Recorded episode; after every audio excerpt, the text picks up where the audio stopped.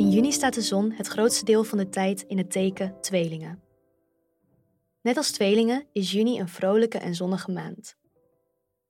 Daarom antwoord op de vraag: waar wordt jouw zonneteken blij van deze maand? Ook werpen we een blik op de rol van geluksplaneet Jupiter. Niets is voor jou als steenbok zo fijn als het gevoel dat je aan de top staat en de controle en het overzicht hebt over de dingen die belangrijk voor je zijn. Dat zit hem niet eens in de erkenning van anderen, al is dat ook best prettig, maar vooral in het gevoel dat je geslaagd bent in je missie. Met Jupiter in stier kun je dit gevoel bereiken door een creatief project, de vormgeving van iets. Dat iets kan klei of hout zijn, steen of textiel, wol of metaal, puur knutselen of echte kunst. Dat doet er niet toe.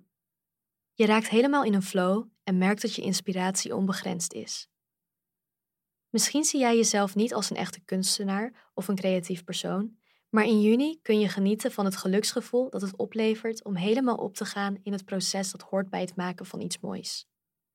Maak tijd en ruimte vrij, zodat je echt de gelegenheid hebt om dit te doen. Of boek een creatieve vakantie, buitenkunst bijvoorbeeld, waarin je de Artist Way helemaal tot bloei kunt laten komen. Je zou een nieuwe vorm van innerlijk presteren kunnen ontdekken die perfect bij jou past. Bedankt voor het luisteren. Wil je je maandhoroscoop nooit meer missen? Vergeet dan niet om je te abonneren op ons kanaal. Liefs, happiness.